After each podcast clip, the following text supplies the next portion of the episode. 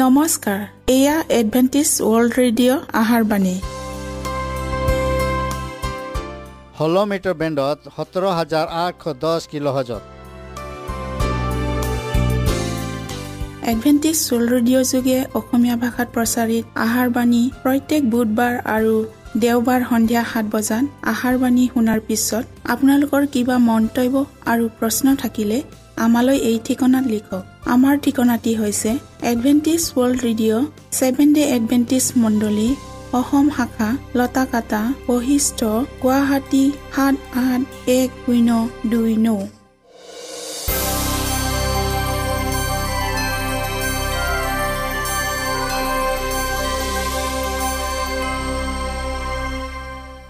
প্ৰিয় শ্ৰোতা বন্ধুসকল এতিয়া শুনো আহক এটি খ্ৰীষ্টীয় ধৰ্মীয় গীত।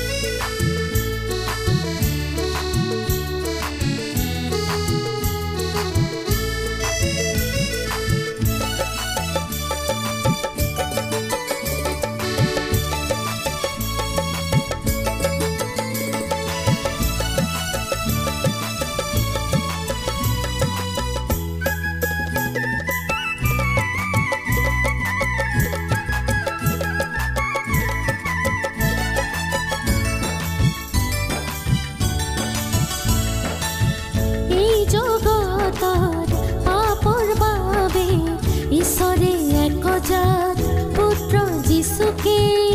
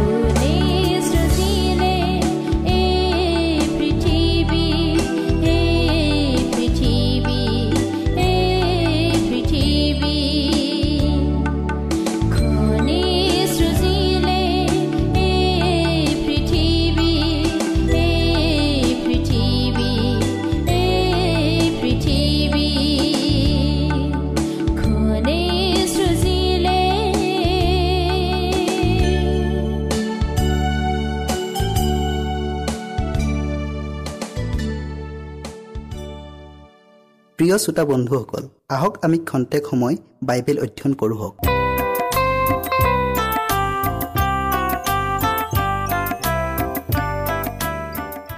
মায়াকৰ্ম ঈশ্বৰৰ দৃষ্টিত ঘৃণনীয়। পবিত্ৰ বাইবেল শাস্ত্ৰত কৈছে যি পুৰুষ কি স্ত্ৰীয়ে ভূত পুহিব বা গুণী হ'ব তাৰ প্ৰাণদণ্ড অৱশ্য হ'ব। লোকবিলাকে সিহঁতক শিল দলিয়াই বধ কৰিব। সিহঁতৰ ৰক্তপাতৰ দুখ সিহঁতৰ গাতে থাকিব।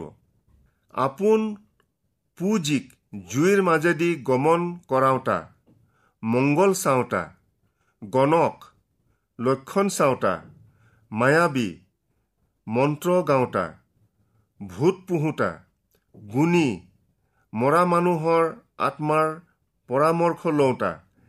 এনে লোক তোমালোকৰ মাজত পোৱা যাব নালাগে।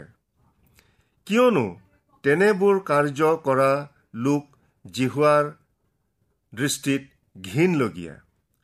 আৰু তেনেবোৰ ঘীনলগীয়া কাৰ্যৰ কাৰণেই তোমাৰ ঈশ্বৰ জিহুৱাই সিহঁতক তোমাৰ আগৰ পৰা দূৰ কৰিব।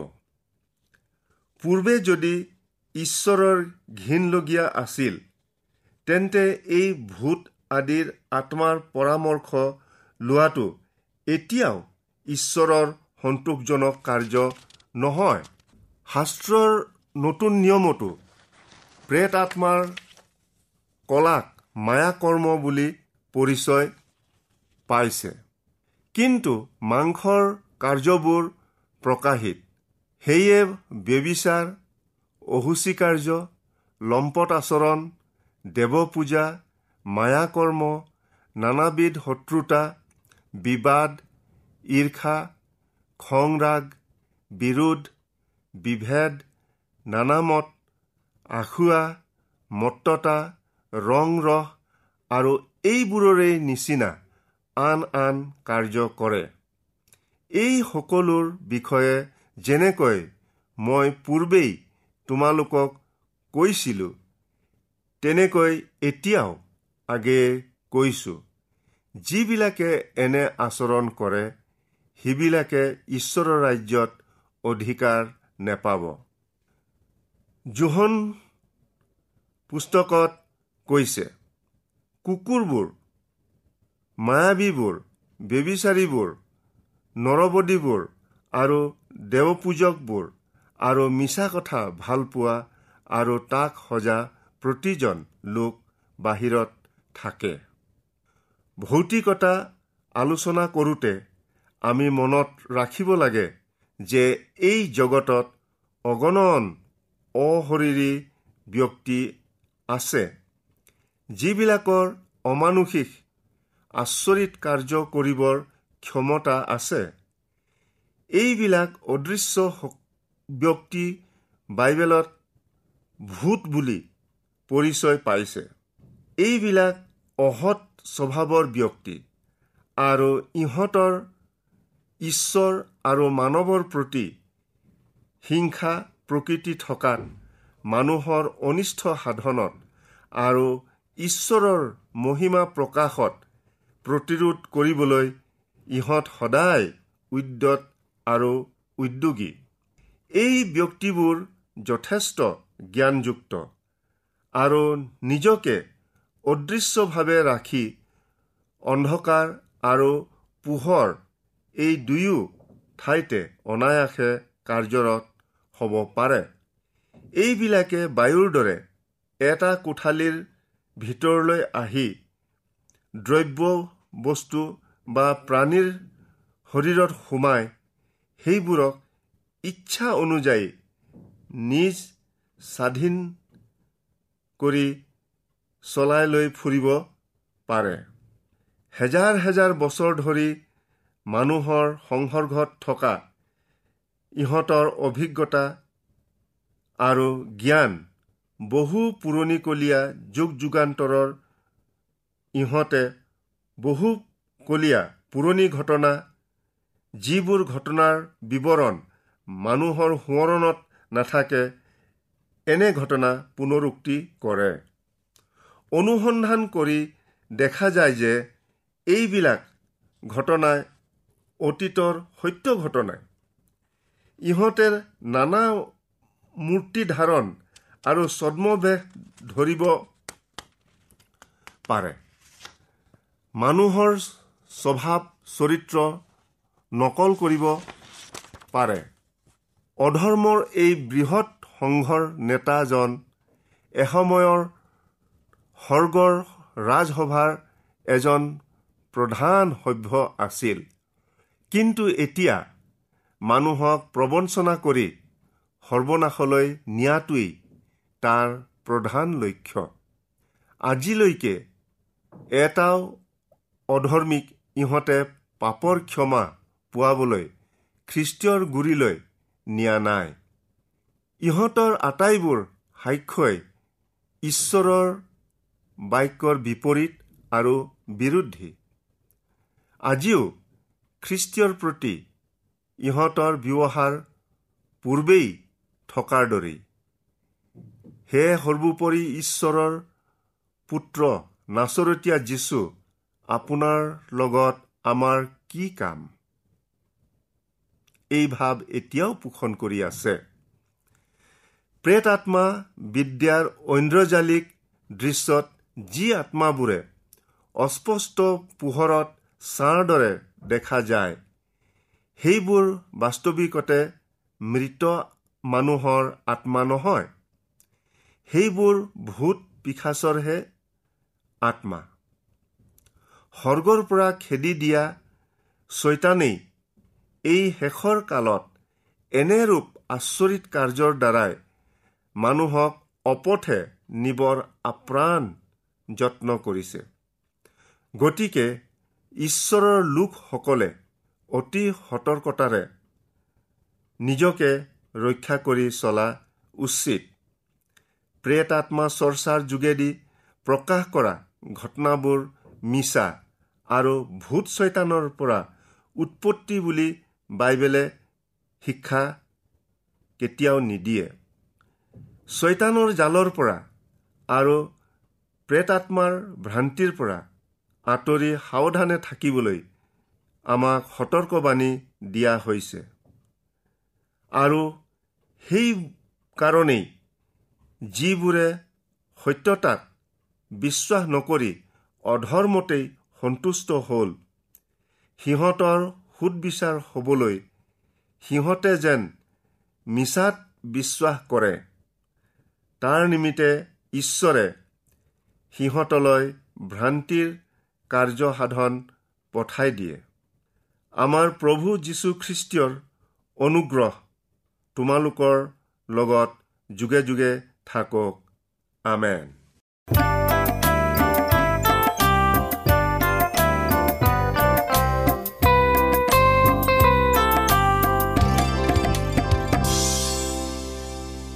ইমানপৰে আমি বাইবেল অধ্যয়ন কৰিলোঁ। এতিয়া আকৌ শুনো আহক এটি খ্ৰীষ্টীয় ধৰ্মীয় গীত।